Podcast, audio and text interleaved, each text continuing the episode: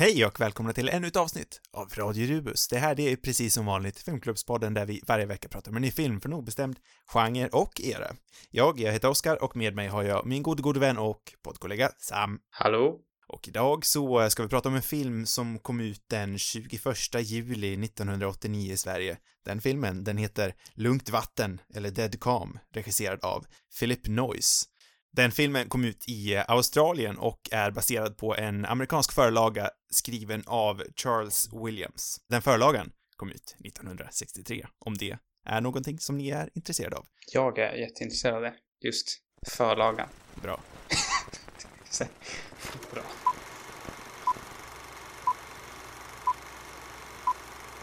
Då är det precis som vanligt mitt jobb att eh, förklara vad den här filmen handlar om och det känns väl för en gångs skull rätt enkelt ändå tycker jag. Mm. Det här, det är väl vad man kan kalla för en klaustrofobisk thriller som utspelar sig ute på det lugna vattnet, mitt ute i ingenstans, där vi finner våra två huvudkaraktärer spelade av Nicole Kidman, en väldigt ung Nicole Kidman och en inte riktigt lika ung Sam Neill. Eh, De har gett sig ut dit eh, för att eh, ta en liten paus från verkligheten efter en tragisk olycka. Mm. Väl där på vattnet så eh, hittar de en, eh, en otroligt het och mysterisk kar spelad av Billy Zane, den eh, alltid lika coola Billy Zane, som visar sig vara en psykopat, som eh, terroriserar de här två och sen får vi se hur de löser det helt enkelt. Nej, inte han alltid en psykopat. Kanske han inte är. En härlig, han är bland de härligaste psykopaterna. vi, vi kanske kan börja där på en gång. Billy Zane, yay or nej, vad säger du? Menar, om jag gillar honom bara Ja, generellt. det känns ändå lite som ett hett ämne, var, eller hett och Mhm. hett, men Om man tycker han är bra, eller inte. ja, hett skulle jag kanske inte Eh, säga att det är, men man, det är lite tvådelat i alla fall. Ja, så han, han är ju het. Liksom nästan ångar om honom. Mm, mm. Mhm. Jag vet inte, jag har nog bara sett två filmer med den här, med Hussein. Eh, denna och Titanic. Där han också är en dryg jävel, kan man väl säga. Um, vet inte, syftar du på hans skådespelar, liksom förmåga eller mer generellt om han har en likable personlighet? Allt. Allt. Allt. Billy Zane sammanfattat. Vad tycker du om Billy Zane som både skådis och person? Ja, han är väl ganska bra. Jag har inte så starka känslor kring honom, tror jag. Men eh, ja, jag gillade honom ändå. Han har ju ett läskigt utseende. Han ser ju, ja, ser obehaglig ut på något vis. Jag måste ju säga det, efter jag såg den här filmen så blev jag ju påmind om att Billy Zane, han är ju en, han, åh, jag, jag gillar Billy Zane alltså. Han är härlig skådis, han är ännu härligare i intervjuer, han har sån fruktansvärd swagger. Mm, han kändes mycket mer likeable i intervjuer. Det vart jag lite förvånad över. Han känns ju lite så här pompös och viktig av sig ändå, men på ett härligt vis. Mm. Han kommer in där med sina scarves och, och eh, tweed-kavajer i, i någon australiensisk dålig talkshow, lutar sig bakåt, är lite charmig. Nej, han är underbar. Sen är han en fruktansvärt bra psykopat också i den här filmen. Ja, han känns lite underskattad. Men det, det Ja. kanske jag som...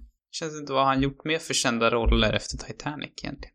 Ja, det är väl det som är problemet. Jag, eh, han eh, gjorde ju, jag kommer jag tror, det måste varit efter Titanic, det har jag inte kollat upp, men han gjorde ju en Fantomen-film. Den eh, serietidningskaraktären Fantomen. 96 kom den. jag. 96. Då var Precis det innan. efter Precis innan Titanic till och med. Året innan. Ja, Men ser. eh, den, den är man ju jävla sugen på. Även Den om- är man rätt sugen på, men eh, det var ju en flopp. Han har ju gjort en del floppar i såna här högprofilerade filmer. ja, Utöver. Titanic då såklart. Ja, den kan inte räknas som en flopp, va? Nej, men samtidigt så kan man väl knappast säga att det var hans förtjänst heller. Nej, direkt. Men det känns som efter, liksom, 2000 vet jag inte. Jag vet inte vad, som han, vad han har gjort för någonting. Han är väl inte så gammal, liksom. Fem, 50 plus är han väl nog idag, men... Han, kanske jag- var jag så att- hatad, liksom, för... Eh, för Titanic. Så liksom universellt hatad att ingen ville ha med honom att göra. Jag undrar om det är så att han är, han är ju lite för stilig för att vara en karaktärsskådis, vilket jag tror att han egentligen är. Och samtidigt så är han, Men Är Han han, är så lite- stilig? Jag tycker han har han har, det är lite så här. äh, Ja, jag, vet, jag håller med om det. ja, samtidigt så ser han också lite för, för elak och, eh, eh, eller elak ser han väl inte ut, men han har någonting obehagligt med sig ändå, som gör att han inte riktigt passar som en leading man heller. Nej, han har ingen han leading man. Han är inte leading man-material riktigt. Nej, det är det som är problemet. Han är inte en karaktärsskådis och han är inte en leading man. Han är någonstans i gränslandet tillsammans med andra väldigt bra skådisar som James Marston till exempel, som aldrig heller riktigt haft den karriären han förtjänar. Förrän nu, nu börjar väl han bryta igenom lite mm. i det stora hela. Eh, och, han hade ju några tv-serier eh, som alla gick ner, som blev cancellade efter en säsong, om inte, om inte ännu mindre, om det ens är möjligt. Ja, ja sån här Billy Zanes karriär, den är, den är svår att placera. Han är ju dessutom en eh, teaterskådis, jag tror fortfarande att han gör rätt mycket teater. Han kommer ju från en teaterbakgrund. Mm. Så han, i grunden känns han väl ändå som en sån där skådis som han, han, han skådespelar för, för arbetets skull, inte för att vara känd. Ja, det är så. Jag, det känns, jag tänker att han att inte riktigt har gått som han tänkt, men jag vet inte. Så kan det väl också vara, för det här var väl hans första breakthrough-roll. Han var ju 21 när han gjorde den här, tror jag. Mm. Det är ju eh, svårt Dead, att... Dead jag alltså. tänkte att han var äldre. Ja, nej, jag är rätt säker på att han var 21, där runt omkring i alla fall. Tidiga 20. Det är så svårt att koppla både Nicole Kidman, eller hon var, hur gammal var hon? 19? Eller något hon var 19 när den spelades in. Liksom svårt, de känns, inte att de känns gamla, men liksom svårt att köpa att de är så unga ändå. Mm. De känns mogna på något vis. Verkligen. I sina roller. Det hade ju lätt, lätt kunnat, jag vet inte, det hade, det var lätt kunnat bli att man inte tog den här filmen på allvar med andra skådisar i samma ålder. Jag tänker, Sam Neill känns ju, jag vet inte, all, de, deras karaktärer känns ju som att de är äldre än vad skådespelarna egentligen är. Ja, jag tycker ju faktiskt också det. Eh, sen så vet jag att från början var det inte tanken att eh, Nicole Kidmans karriär, eh, karaktär skulle vara så ung som hon är i filmen. De hade ju planerat att eh, rollsätta någon äldre. Ja, jag menar hon har ju ändå ganska, måste ha fått barn otroligt tidigt. för det känns inte som att... Väldigt tidigt. I och för sig, han är inte jättegammal sonen, men han måste ju ändå vara typ tre kanske i alla fall. Ja, om, om inte äldre, men vi säger tre bara för att få det att gå ihop lite bättre. Ja, jag kommer knappt ihåg hur han såg ut. Nej, det var inte så många sekunder man fick se han där innan han flög ut genom fönstret. Ja, men, men mitt så här, ögonmått när han flög genom fönstret, säger tre ändå, ungefär. Ja, det börjar ju starkt. Ja, det är väldigt, eh, det är ingen, ingen munter vibe, kan man väl säga. Nej, och sen, eh, man brukar ju säga show don't tell, det är ju sån här superkänd sägning. Som de flesta har hört i alla fall. Ja. Och jag, jag tycker väl inte riktigt att Show Don't Tell stämmer in här. Jag hade hellre fått det berättat för mig att ungen flög ut genom fönstret. För jag kan inte låta bli att brista ut i skratt när jag mm. såg den här dockan flyga i en halv sekund eller vad det är. Men det var oavsett väldigt roligt. Ja, nej, det, de hade kunnat skippa det faktiskt. De hade, de hade lika gärna kunnat visa att bilen kraschar, klipp till. Åh oh, nej, vår son är död. Men det känns lite dock så här att det passar den här 80-tals skräckfilmen med dåliga dockor som kommer flygandes. det, Kanske. Ändå, det känns ändå rätt på något vis. Inte alltid dåliga dockor, men det känns som att man använde mer, det flög mer dockor genom fönster på 80-talet med skräckfilm än vad det gör idag. Ja, jo, jag tänker också det. Men det var, ja, det fast 89. Jag tänkte säga, det var väl inte lika... Nej, nej, publiken var väl inte lika härdad då, men det var ju ändå relativt sent. Ja. Eh, men det här är ju ett av två ögonblick eh, då den här filmen, då jag tycker att den visar för mycket. Låt mig gissa. Det är rätt uppenbart. Rätt eh, lätt gissat ändå. Ja, jag tänker det är slutet. Det kan vara slutet jag pratar om då. Ska vi återgå till slutet senare kanske för en gångs skull? Jag tycker och, också det. Lämna men... det som en liten cliffhanger. Ja, de visar för mycket ibland. Det kanske man. borde man ha kört på uh, Tell Don't Show i den här filmen. Annars ibland i alla fall. måste jag ändå säga att den är, bortsett från de två scenerna, tycker jag ändå att den är gjord med en väldig känsla. Jag med. Jag tycker, jag gillar verkligen den här filmen om jag får säga det redan nu. Ja, jag, jag, jag kan bara instämma. Det är liksom, förutom att slutet då sänkte den lite grann. Men om man ignorerar slutet så, så uh, tyckte jag också, det här är precis, precis min grej. Så här riktigt tight 1.30 thrillerfilm liksom. Mm. Och eh, en enkel, som du sa, en enkel story. Inte så mycket komplicerat, men det är bara, ja, det, det är bra upplagt på något vis. Ja, nej, men och det låter ju verkligen, när den är så enkel i upplägget låter det verkligen filmskapandet lysa igenom. För jag tycker Philip Noyes arbete här är ju väldigt, väldigt skarpt och tight. Mm, och trovärdigt också. Liksom mm. allt förutom de där två nämnda scenerna. Så känns det, ja. väldigt trovärdigt. Och den här känslan liksom mellan, eh, ja men som i titeln, Dead Calm. Eller på svenska lugnt vatten. Det är liksom den ena aspekten av det, det obehagliga med det här stora öppna havet och den här liksom skrämmande, vad ska man kalla det, enormiteten eller det är något liksom, det är det där otroligt obehagliga med det stora eh, havet. Ja, för mig finns det liksom inget mer läskigt än öppet vatten. Nej, det är svin, svin, svinläskigt. Och sen Ja. att kombinera det med, med de här scenerna inuti båten som är väldigt så här klaustrofobiska. Det är så Mm. snyggt tycker jag, liksom det spelet. Och det är väl ofta kanske någonting som man brukar spela med när man gör den här typen av, av filmer. Men jag tycker de, de lyckas eh, väldigt bra med det. Ja, men det är så, allting är liksom uppbyggt så himla bra. Jag älskar ju liksom det här med, när de bygger upp det här med envägskommunikationen mellan Sam Neill och Nicole Kidman. Jag var ju inte alls förberedd på att de två skulle separeras. Jag trodde att Sam Neill skulle vara på båten också. Mm, Det var också väldigt oväntat tycker jag. Eh, Men jag, det, är briljant det här att de skapar, att de binder någon slags kommunikation mellan dem, men att det är bara den ena som hör den andra. Mm. Att eh, Nicole Kidman hör ju inte Sam Neills röst, utan hon får liksom, eftersom hon är den som är mest eh, novis i det här sammanhanget, så behövs det ju ändå att hon, hon behöver ju något slags eh, rådfrågande, men det får inte bli för mycket heller, så det är ju skitsmart att de binder in den här, de här eh, ja och nej-svaren han ger med den här eh, radion. Där han bara kan buzza några svar. Ksh, ksh. Mm.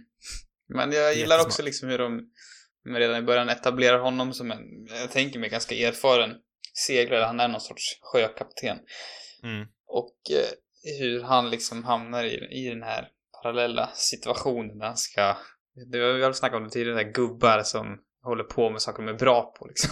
Det är kul Mm. att se honom på den här eh, kapsejsande båten när han liksom ska försöka få igång den här motorn igen. Mm. Ja, jag gillar det, verkligen. Ja, men återigen väldigt liksom trovärdigt gjort. Man köper det verkligen och man köper hela processen.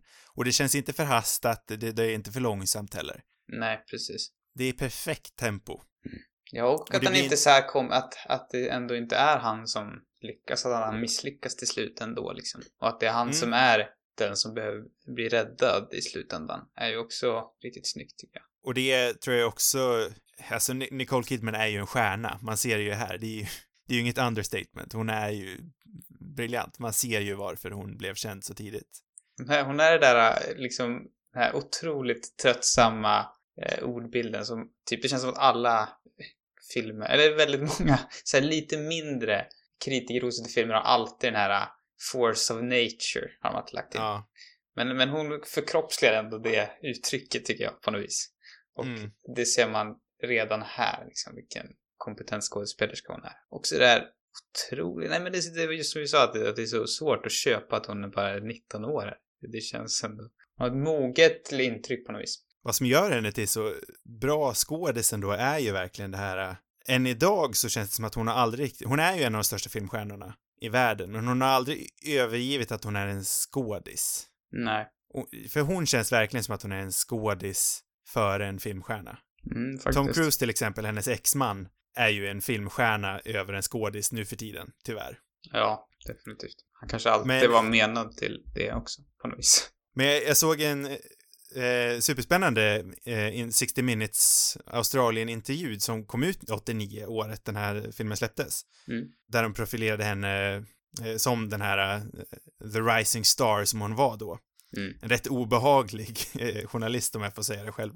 Mm. eh, vad det men de hade ett litet klipp där hon snackade med sin dåvarande, jag antar att det var manager. Mm. Och så sa hon det till henne, become a star, fine, but remember always that you're a working actress first. Ja, spännande. Och det känns ju som, det måste ju ha stannat med henne för alltid. Ja, det känns verkligen som att han har levt efter det. Ja, men för det, det är ju verkligen exakt det Nicole Kidman är. Hon är en stjärna, men hon är en arbetande skådis först.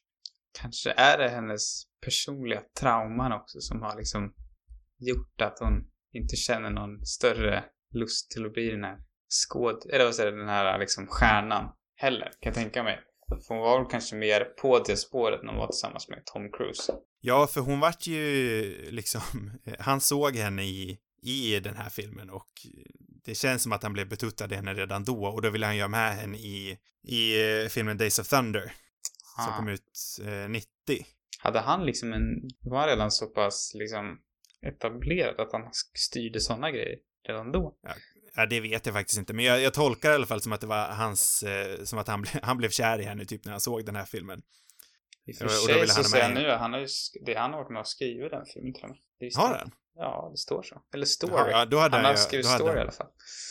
Då hade han säkert den makten. Eh, men han ville ha med i den, där- i, henne i den filmen och sen så gifte de ju sig efteråt. Mm. Sen tog han hennes barn. Sen, sen tog han hennes barn. Hon var ju med i, i Ice Wide Shut med Stanley Kubrick och Tom Cruise. Där försvann ju flera år av eh, 90-talet.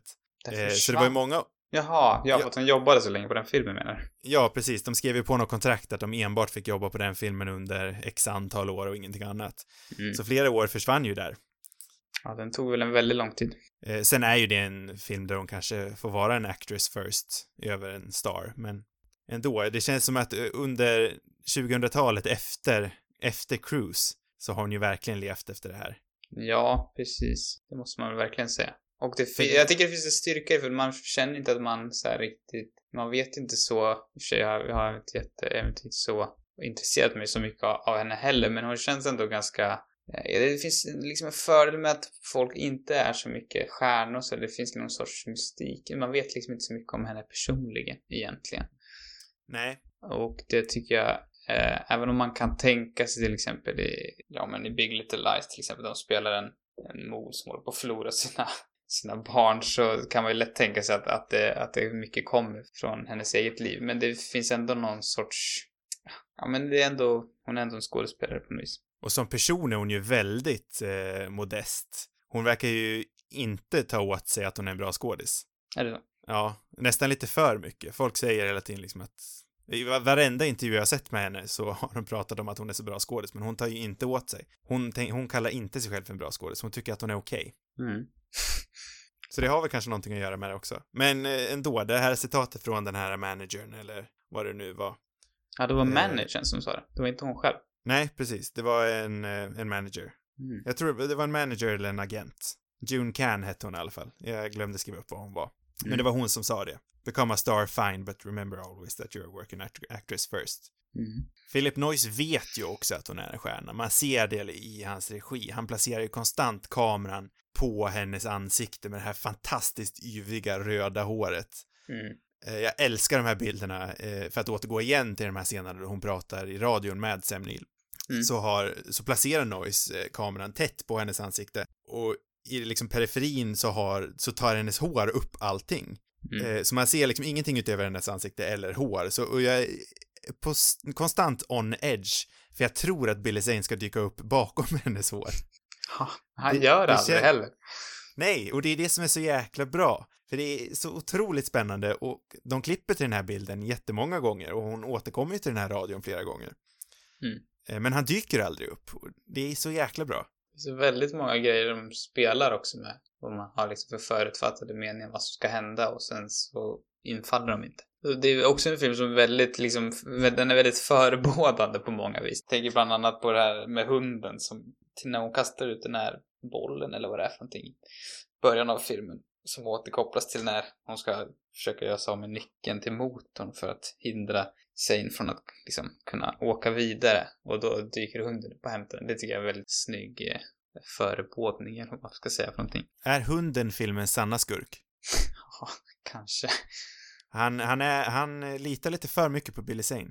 Är det han som ställer hund- upp tidigare också? Det är han, kanske han som har liksom, kanske han som uppmärksammar den här båten. Han börjar ju skälla. Ja, ja precis. Ja, det är sant. För eh, han, han gör ju allting för att hjälpa Billy Zane.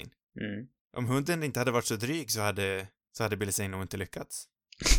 Är Ja. det, här, det här kanske är någon sorts variant på, vad heter den här filmen som jag avskydde, som vi såg i höstas någon gång? Den här klassiska skräckfilmen av den besatta pojken. Ja, The Omen. The Omen. Hunden. Det här är liksom The Ja. Omen 4 eller någonting. Nej, det kanske inte, jag vet inte hur många Omen-filmer det finns. Ja, det finns ju ett flertal. The Omen 3, som till Mm. exempel är en skådespelare i den här filmens st- stora Hollywood-genombrott. Mm. Sam Neill, han spelade ju faktiskt den vuxna Damien i Omen 3. När kom ens The Omen 3? Det vet jag inte. Men det var hans stora, första stora Hollywood-roll efter eh, några, ja, några framgångsrika år i eh, Australien. Mm. Men det var ju innan den här, det var ju 80 någonting. Mm. Det måste jag kolla upp. Tre, verkligen. Inte två. Nej, tre. Finns det? Jag hittar ingen så. Den kanske heter något annat. Aha. The Final Conflict från 81. Ja, precis. De sju knivarna, Omen 3. Det känns som att vi har miljarders olika Spår. trådar ute som vi kan plocka upp på. Det jag vill snacka om, om vi, Ja. som inte har med någonting av, någon av tråden att göra. Mm. Det är ju den här otroligt obehagliga båten som, som Billy Zane kommer ifrån. Som Mm. har den här, äh, den känns nästan Clockwork Orange-inspirerad. Det här, äh, det är något rum i den där båten med de här äh, galjonsfigurerna. Eh, Barbröstade kvinnokroppar liksom som är lite konstigt mål, klottrade på. Det känns väldigt mycket Ja. som den här mjölk... Är det en mjölkbar eller någonting i Ja, jag Clockwork tror det är Orange? mjölkbar. det bara kände jag. Ja, nej, det har du helt rätt i. Det är också så oväntad touch på något vis att den här eh, video, ja men det är någon video som rullar där från, kanske lite så här, äh, lite halvdåligt berättat, eller jag vet inte om det är snyggt berättat liksom när de visar de här, eh, men det är nog filmat från en Billy Zane, men jag vet inte om jag gillar riktigt det, men jag gillar att det är något sorts, det ändå rullar där och att det är någon sorts musik som börjar spelas när man väl får igång båten och sådär. Ja, det är en obehaglig stämning som skapas där inne om något. Ja, verkligen. Det är lite på samma spår som det här övertydliga eller show don't tell. Det är också en sån typ av grej ändå. Även om jag Mm. tycker att det är lite, det är lite, liksom, det skapar lite atmosfär på något vis. Men ja, hade kanske kunnat gjorts lite annorlunda. Ja, men det är ju också en markant avvikelse från eh, förlagen, från boken. Mm. Eh, för här, här får vi ju se eh, liken flyta omkring i båten. Men i, eh, i boken som eh, filmen är baserad på så eh, lever ju människorna. Eh, och så hade det även varit i, det finns ju, Orson Welles hade ju ett flertal filmer som han eh, typ hade klara men som aldrig släpptes. Mm. Eh, och han hade ju faktiskt också spelat in en version av eh, Deadcom, fast han kallar den för The Deep, Just det. som han spelade in mellan eh, 1966 och 69. Mm. Eh, och där följde ju han eh, bokens handling lite mer, att där var faktiskt de här människorna på båten eh, vid liv. Så där hade vad hände ju... liksom där egentligen? I, i, vad händer i den? I originallagan liksom? Jo, men där är ju som sagt eh, människorna vid liv, så där har ju Sam Neils karaktär no- konstant folk att prata med och så där förklarar de ju mycket mer också vad som hände med eh, Billy Zane. Mm. Om att eh, han hamnade i, i någon slags, eh, jag kommer inte ihåg exakt vad termen är, men de var ute och dök och där under vattnet så slogs han av eh, någon slags psykos Mhm. och slog ihjäl någon människa. Sen när han kom upp så fick han någon annan, ja, han bröt ihop helt enkelt och så, och så eh, skeppar, vad, vad heter det? Han, han skeppade dem vill jag säga, men han, han strandade dem där. Fast det är Mm. inte, de är inte på stranden, de är ute på öppet hav. Just det. Det låter ju spontant mycket sämre. Mm, Det som är så bra med det här tycker jag, Oakman, han är ju otroligt mystisk. Och ja men man får liksom att, att aldrig riktigt så här, kanske är det som är en nackdel med filmen också, för att man gillar, eller ja, jag vet inte, den, för den teasar bara lite grann om vad som händer för någonting, men man vet egentligen inte speciellt mycket vad som har hänt. Nej, alltså egentligen så undrar man, för man får väl aldrig riktigt veta vad hans plan är, om han ens har en plan. Han är någon sorts galning, tänker jag. Ja, för vad gör han där ute på vattnet? Är han bara där och väntar på att de ska dyka upp, eller vad? Ja, men Nej, det tänker jag inte, men han, jag tänker att han liksom bara, han lirar liksom. Han, han kör på volley konstant.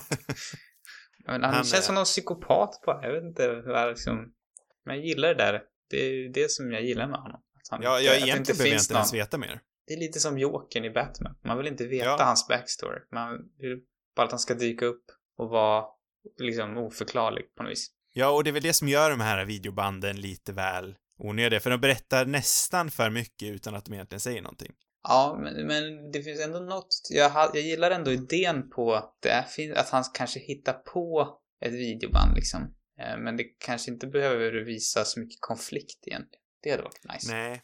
Jag gillar att man får se någonting från vad som har hänt tidigare, men inte att, inte, för här blir det liksom någon sorts eh, konflikt som, det- liksom är snyggt ihopklippt känns det nästan som. Och som sagt har säkert börjat spåra ur. Det känns inte riktigt nödvändigt, men jag gillar idén på att man få se liksom någon sorts videodagbok lite grann sådär. Att, men det behöver egentligen inte visa någon konflikt, tycker jag. Jag, jag fattar helt vad du menar. Det sätter Det är ändå lite- ett, en, en, sorts eh, ett liv till, annars hade det bara varit ett par döda kroppar som flöt runt i den här båten och det hade kanske inte blivit lika starkt ändå. Nej, nej, absolut. Det har ju en poäng. Det köper jag också. Så det tillför ju ändå till obehagskänslan. Nej, men och det som eh, jag verkligen gillar med att Sam Neill är själv på båten, det är ju att han, det visar ju hans kompetens också som, som sjöman. Mm, Att han eh, måste lösa hela det här programmet, eller programmet, hela det här problemet och, och laga båten helt själv. Mm. För Sam Neill, han är ju den perfekta everyman-skådespelaren, tycker jag.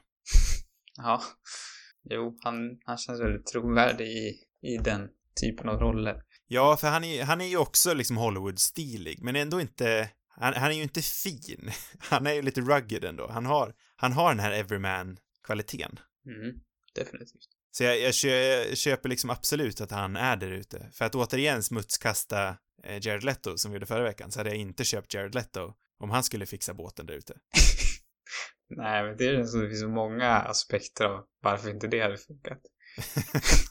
Den där taniga Jared Leto från, vad heter den där? American, nej vad heter det? Vad heter den där filmen med? Ja, Matthew Dal- McConaughey. Dallas Buyers Club. Ja, just det.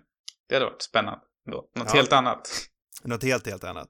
Men för att också återgå till en sak vi eh, pratade om förra veckan, eh, när vi pratade om, om eh, dåligt Instagame, ett annat skitsnack vi gjorde förra veckan, det var ju när Mm. vi smutskastade eh, Richard D. Grants Instagram-game. Ska vi göra det en gång till? Nej, här ska vi ju hylla någons Instagame, och det är Mhm. ju Sam Neill. Har han också en Instagram? Det finns få så härliga Instagrammare som Sam Neill. Är det så? Han, är, han har den bästa Instagram-profilen som finns tror jag, för du vet, Oj. du vet ju att Sam Neill äger en vingård.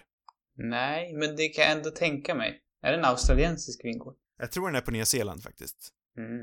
Eh, Men han bor där ute själv om jag förstår det rätt och han har massa djur som han har döpt efter skådespelarna han har jobbat med. Jag tror att han har en gris som heter Helena Bonham Carter till exempel. Så jävla, är jävla taskigt. Fast om det är någon som känns som att hon ändå skulle kunna gilla det så jag antar att han gör det med någon sorts kärlek. Men Absolut. Eh, och han har massa ankor och kycklingar och han, han har världens mysigaste liv där ute och så nu, nu håller han på att göra eh, Cinema Quarantino. mm, det har jag nog hört om. Ja, så han håller på att göra massa kortfilmer på distans med skådespelare som eh, Helen, Bonham Carter var med igen nu, här, Mhm. här dagarna förresten. Eh, Mm. Hugo Weaving har jag gjort någon med. Eh, egentligen är de ju rätt eh, taffliga sketcherna, men eh, eftersom han har sån charm så, och sån ärlighet så blir de ändå superhärliga. Jag tappade lite min kärlek för, för eller min kärlek, jag vet inte om jag är någon superfan av Sam men han var ju Peaky Blinders var han så jävla störig. Riktigt dålig karaktär, typ. Det var nog inte hans fel egentligen, men men det var, nej. Jag vet inte varför jag kom in på det för, men jag kände att vi måste nu, om vi ska sitta och hylla honom så måste vi smutskasta någonting.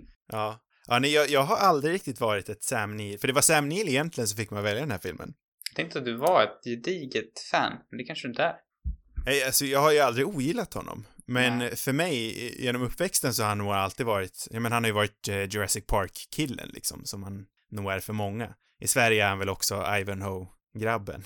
Eh, men eh, för mig har han nog oftast varit den här eh, människan i Jurassic Park som tog rollen jag egentligen hade velat sett Harrison Ford göra. Mm. Men nu, här i senare dagar, då han också har blivit en härlig gammal gubbe och jag har börjat sett han i filmer som Hunt for the Wilder People till exempel, så har jag ju verkligen börjat bygga upp en kärlek. Där är han ju underbar. Verkligen. Ja. Så Sam Neill nu är ju faktiskt en av mina absoluta favorit... Eller han är en av mina fa favorit... Eh, eh, ska jag säga skådespelare egentligen? För det, han är, det är väl mest hans personlighet liksom. Han är en av mina favorit Hollywood-personligheter. kan man säkert säga.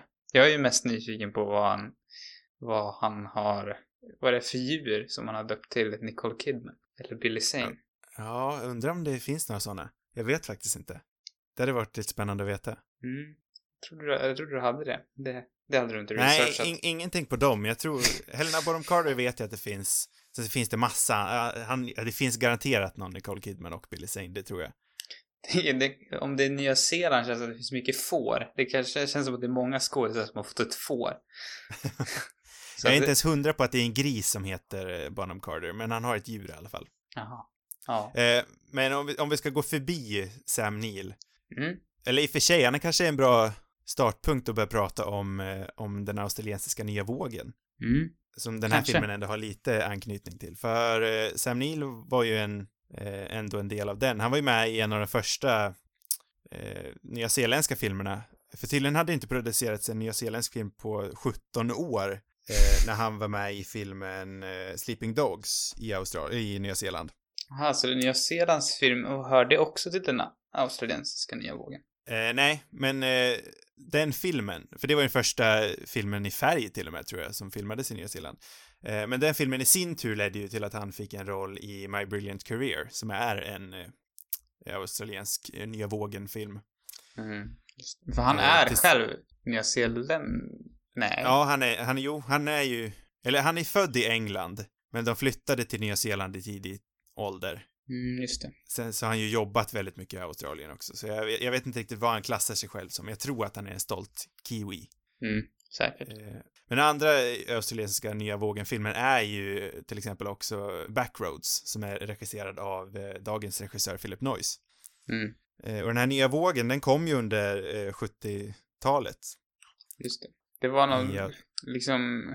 För Australien hade väl också gjort väldigt lite film sen typ Mm. Andra världskriget egentligen. Eh, Ja, men precis. Eh, 1968 så var det väl eh, det här nya filmvågen började egentligen. Mm. Eh, För då, eh, precis med många andra länder, till exempel som i Europa, så kom det ju en så här statssponsrad filmindustri, att staten gick in och började sponsra filmproduktioner. Mm.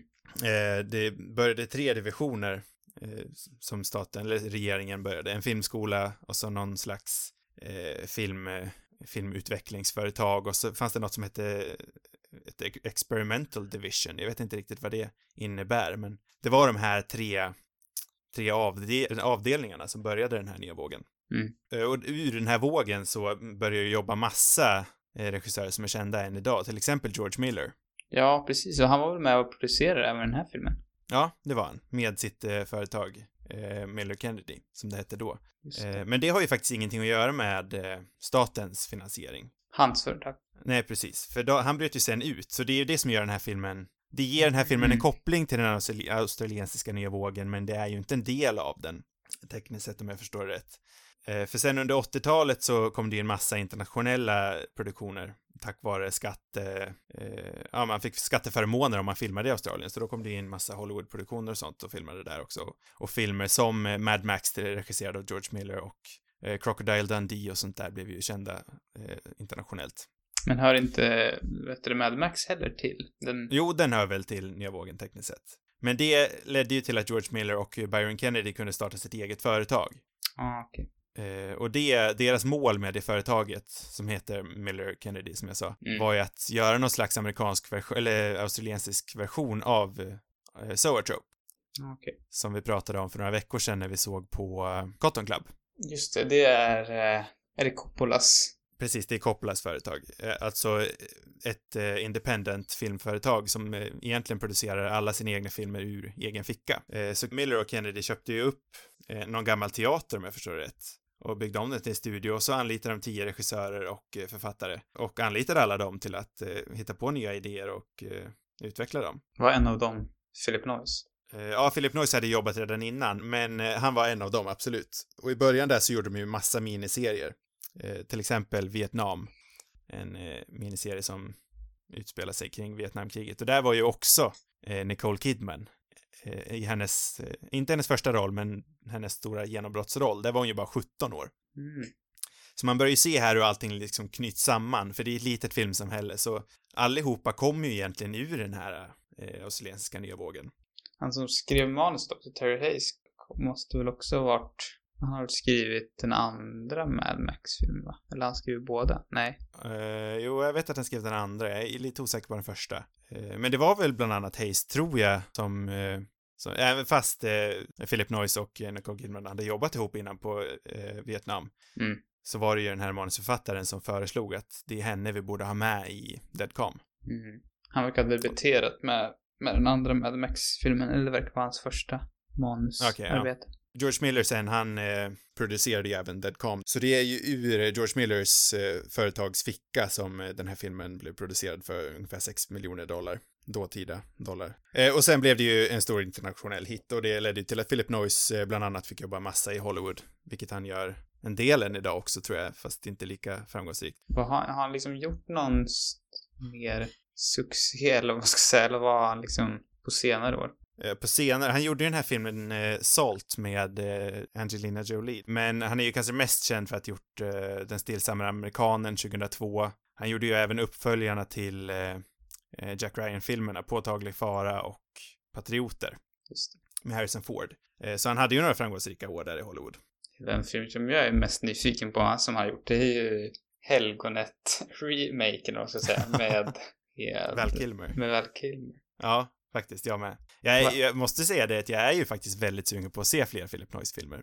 Ja, det känns dock inte som att det, jag vet inte varför, men det är så liksom svårt att se, eller av alla de du radar upp så känns det inte riktigt som, jag har svårt att se att någonting ska toppa den här på något vis. Det här som, mm. känns som en helt annan typ av film. Det är just det, liksom den här, det här småskaliga och som jag gillar med den här. Jag är liksom rädd att, att, att Hollywood kanske har förstört en del av hans förmåga. Alltså bara i den här filmen så är det ju ganska tydligt att studion, alltså det som är dåligt är, ligger ju studion förmodligen bakom. Ja, i den här filmen ja. Ja, och jag ja. kan tänka mig att det kanske har varit andra grejer liksom senare i hans karriär också. Om, om man kommer till Hollywood så har man väl säkert ännu mer det problemet. Nej, men för anledningen varför de ens fick eh, tillåtelse från eh, Orson Welles änka att göra att få rättigheterna till den här berättelsen. Mm. Eh, det var ju just eftersom de var ett independent-företag mm. eh, utan någon slags Hollywood-finansiering och det var ju det som fick Orson Welles änka till att faktiskt, för hon eh, tyckte tydligen att Hollywood hade behandlat Orson Welles rätt dåligt så hon ville inte ha någonting med dem att göra. Nej. Eh, men det lustiga sen blev ju när de väl eh, gick ut i stora vida världen med filmen Lugnt vatten så fick de ju lite amerikanska Hollywood-finansiärer dessutom på båten mm. som eh, kom in och ville ändra lite dittan och dattan, bland annat det här slutet som vi sa att vi skulle komma tillbaka till. Ja, är det dags att komma tillbaka till slutet nu kanske? Ja, jag känner det. Nu kan det väl ändå passa. Ja, för att satan vad det var liksom irriterande. En så välgjord och tight film och sen så bara förstör de allt. Nej, inte allt såklart, men varför? Det, det var ju så skitbra slut. Jag hade till och med gillat det om de, eh, de lämnade Billy Zane oklart om han lever eller inte, på den här lilla flotten där. Den är uppblåsbara. Han, han har fått en, en smäll och en sån här... Armbågen? Nej, inte, inte armbåge. det är armborst heter det, men det är inte en sån heller. En, Nej. Uh, harpun. Ja, en harpun, exakt. Men det känns ändå som att han kan överleva. Jag hade till och med gillat om de kom tillbaka och den här flotten var tom. Mm. Och sen slutat. Mm. Det hade varit perfekt. Ja, men det blir för mycket sen när han faktiskt kommer tillbaka. Ja, eller om de hade slutat med att han bara gled iväg på den där och inget mer. Men någon av de jag, två. Jag, jag gillar ändå att de hittar flotten igen och sen är det oklart om man lever eller om man bara har sjunkit i botten. Ja, när de eldar upp den där. Mm. Jag gillar ändå det som slut. Men sen mm. när han kommer tillbaka och Sam Neill skjuter han med en nödraket. det är en jätterolig och cool bild ändå. Eller cool är kanske överdrivet, men jag gillar bilden, men det är för mycket. Alltså, det, för det första är det ju irriterande att han kommer tillbaka för att det är just det där öppna slutet som, och med liksom den här mystiken, för det finns ju en mystik under hela filmen kring honom och det är ju så perfekt att det ska sluta med att den här jäveln fortfarande glider runt någonstans på mm. havet, tycker jag. Mm. Um, och sen om de gör lite tecken på att han kanske skulle kunna fortfarande vara vid liv, liksom, det skadar inte. Även om jag inte tycker att det är nödvändigt. Men att de måste ge han ett sånt, liksom att de måste verkligen visa att, att han är död. Det förstör ju allt. Och sen att de dessutom gör det liksom så otroligt tondövt. Mm. Även om jag gillar liksom just när man plockar ut scenen i sig när han börjar liksom eh, schamponera hennes hår. Den mm. har ju någonting. Den hade ju säkert varit bra i en annan film. Mm. Men eh, här är ju liksom, usch. Ja, men för det här, det sa vi ju inte. Det här är ju Hollywood som har kommit in eh, och sa det, att vi vill lägga till ett mer, eh, uppe, alltså, ett mer uppenbart slut där vi vet vad som faktiskt händer med Billy Zane. Vi kan inte bara lämna han där ute. Det kommer publiken inte gilla. Det här klassiska Hollywood-studio.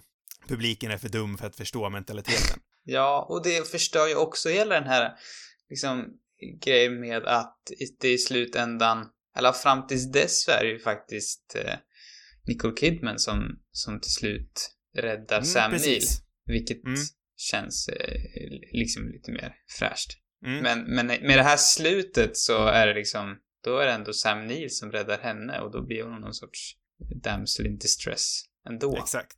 Uh, Ja, nej, jag- det är jag också gillar det tro- inte alls. trist. Det förstör hela hennes ark. Ja, kör allt. För det är också, Hela filmen. nej men det är också det som ändå, eh, det övergav vi, men vi sa det i början, att egentligen var inte tanken att eh, Nicole Kidmans karaktär skulle vara så ung. Nej. Eh, Men det, det är det, så jag gillar ändå att hon är ung, för det ger också en poäng i den här utvecklingen, att hon går från att vara hans, Sam Neils liksom troféfru på något vis. Ja, ja, det blir Känns- nästan så. Känns det ju lite som. Men sen så går hon liksom att, till att bli hans räddare och det tror jag aldrig riktigt att han, att han liksom hade tänkt sig i början.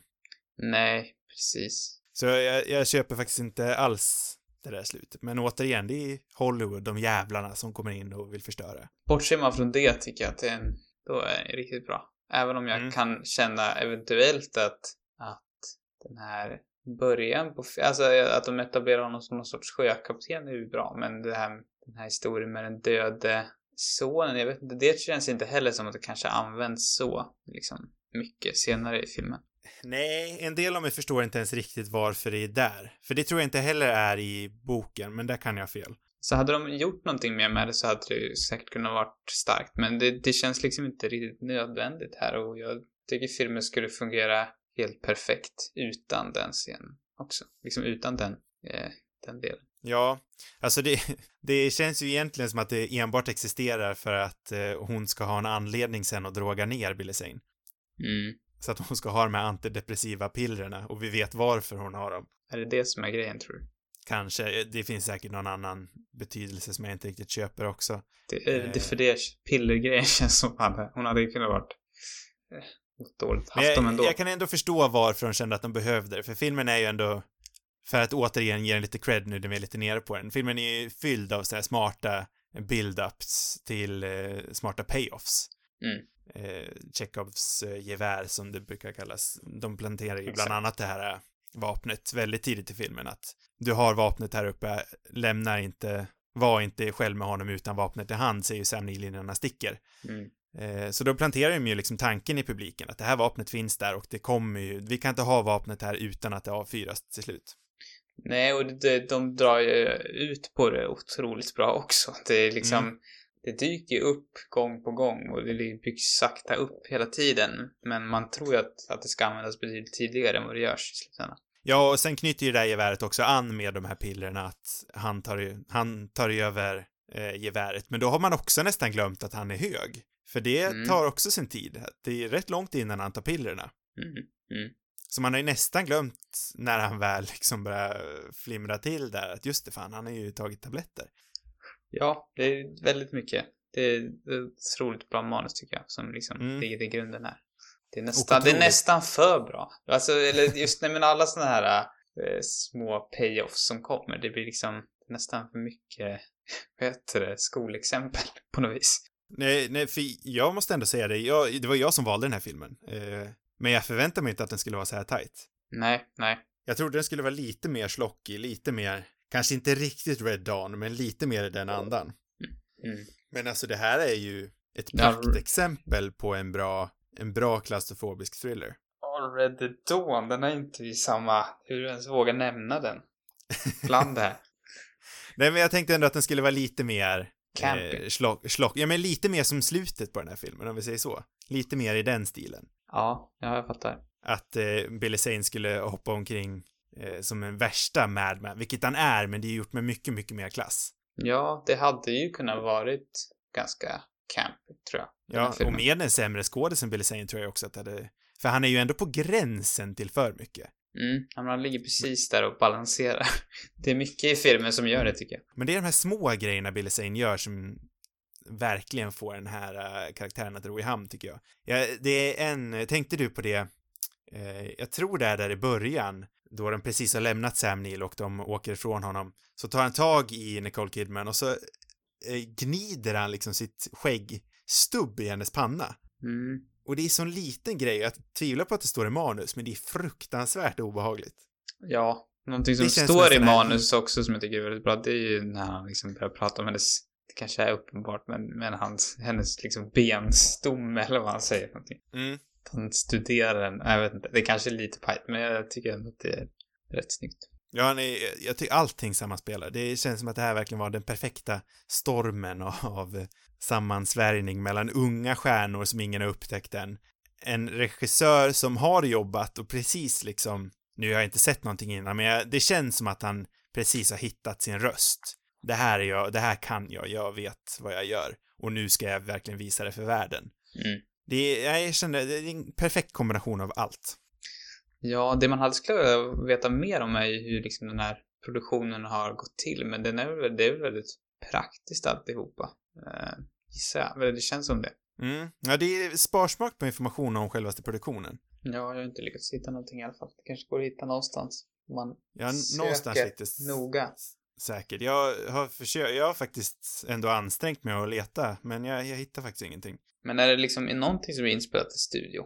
Antar Alltså, jag sig att det borde ju vara det kän- men det interiörerna känns som måste att- ju vara det. Jo, men allting med Sam Neill under vatten är ju i studio. Måste det ju vara. Ja, såklart. Allting under däck antar jag är i studio. Säkerligen. Men ja, alltså allt annat ovanför däck känns ju väldigt liksom äkta.